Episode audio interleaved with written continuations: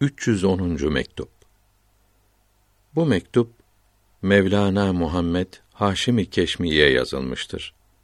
Kaddesallahu Teala sırrehül aziz.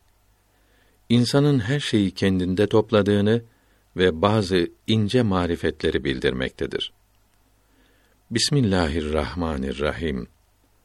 Allahü Teala'ya hamdolsun. Onun sevgili peygamberine salat ve selam olsun. İnsanda bulunan bütün kemaller, iyilikler hep vücub, tealet ve tekaddeset mertebesinden gelmiştir. Onun ilmi o mertebeden, kudreti de o mertebenin kudretindendir. Bütün yükseklikler de hep böyledir. Fakat her mertebenin kemali o mertebeye göredir. İnsanın ilmi o mukaddes mertebenin ilmine göre sonsuz var olanla yok olanın karşılaştırılması gibidir. Bunun gibi insanın kudreti, gücü vacib-i Teala ve takaddesin kudretine göre bir üflemesiyle yerleri ve gökleri ve dağları ve denizleri yok eden güç sahibinin kendini dokumacı ustası sanan örümcekle karşılaştırılması gibidir. Bu ikisinden başka olgunlukları da bunlardan anlamalıdır. Başka kelime bulamadığımız için bu karşılaştırmayı yaptık. Yoksa Farisi Mısra tercümesi Toprak nerede, temiz alemler nerede?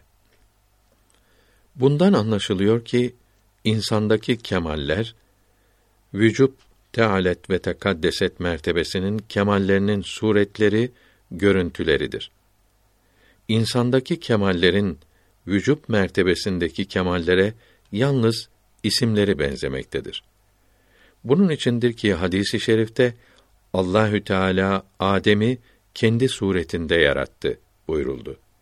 Kendini anlayan Rabbini anlar sözünün inceliği buradan anlaşılmaktadır.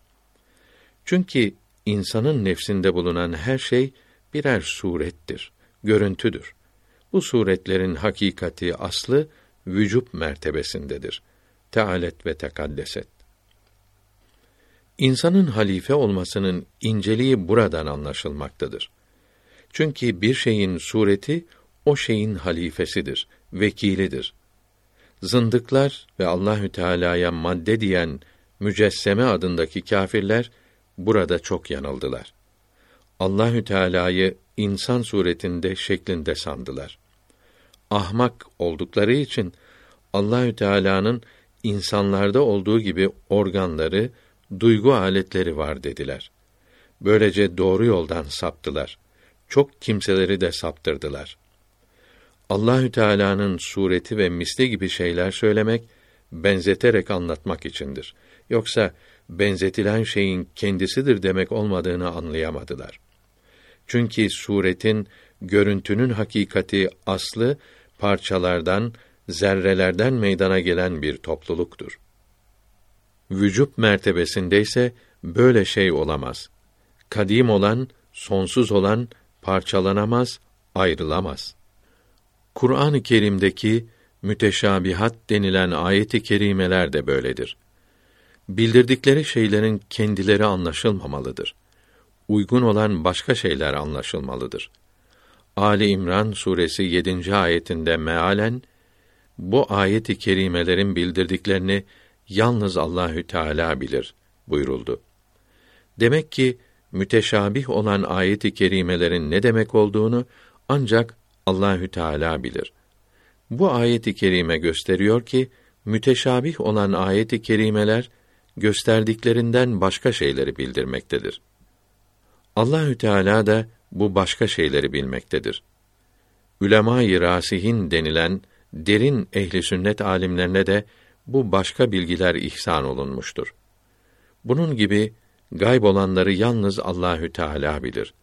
Peygamberlerin yükseklerine de bu bilgisinden ihsan etmektedir. Gayb demek ayet-i kerime ile ve hadis-i şeriflerle bildirilmemiş olan ve his organlarıyla tecrübe ve hesapla anlaşılamayan şeyler demektir. Müteşabih olan ayet-i kerimelere anlaşılandan başka mana vermeye tevil denir. Tevili yanlış anlamamalıdır. Ayet-i kerimedeki el kelimesine kudret demek ve yüz kelimesine Allahü Teala'nın kendisi demek tevil olmaz. Böyle kelimelerin tevili ince, gizli bilgilerdir. Ancak seçilmişlerin seçilmişlerine bildirilmiştir.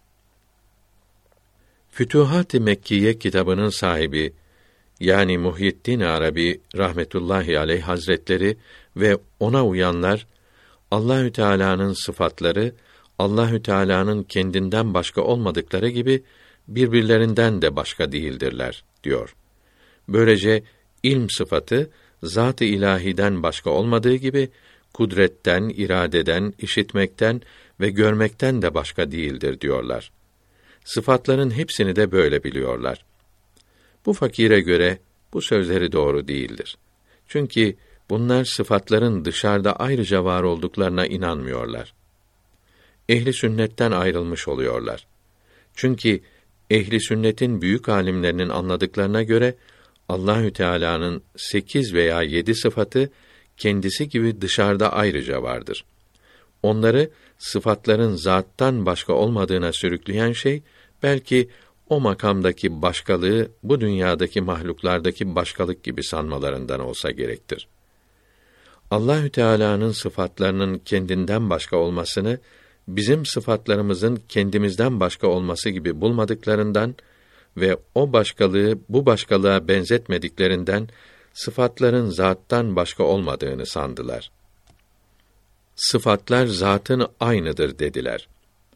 O makamdaki başkalığın da Allahü Teala'nın kendisi gibi ve sıfatları gibi anlaşılamayacağını, mahluklara benzetilemeyeceğini anlayamadılar. Oradaki başkalık buradaki başkalığa benzemez. Yalnız görünüşte ve isimde benzerlik vardır. Bundan anlaşılıyor ki o makamda başkalık, ayrılık vardır. Fakat biz bunu anlayamayız. Anlayamadığımız şeylere yok diyemeyiz ve dememeliyiz. Doğru yolun alimlerinden ayrılmamalıyız. Her şeyin doğrusunu Allahü Teala bilir.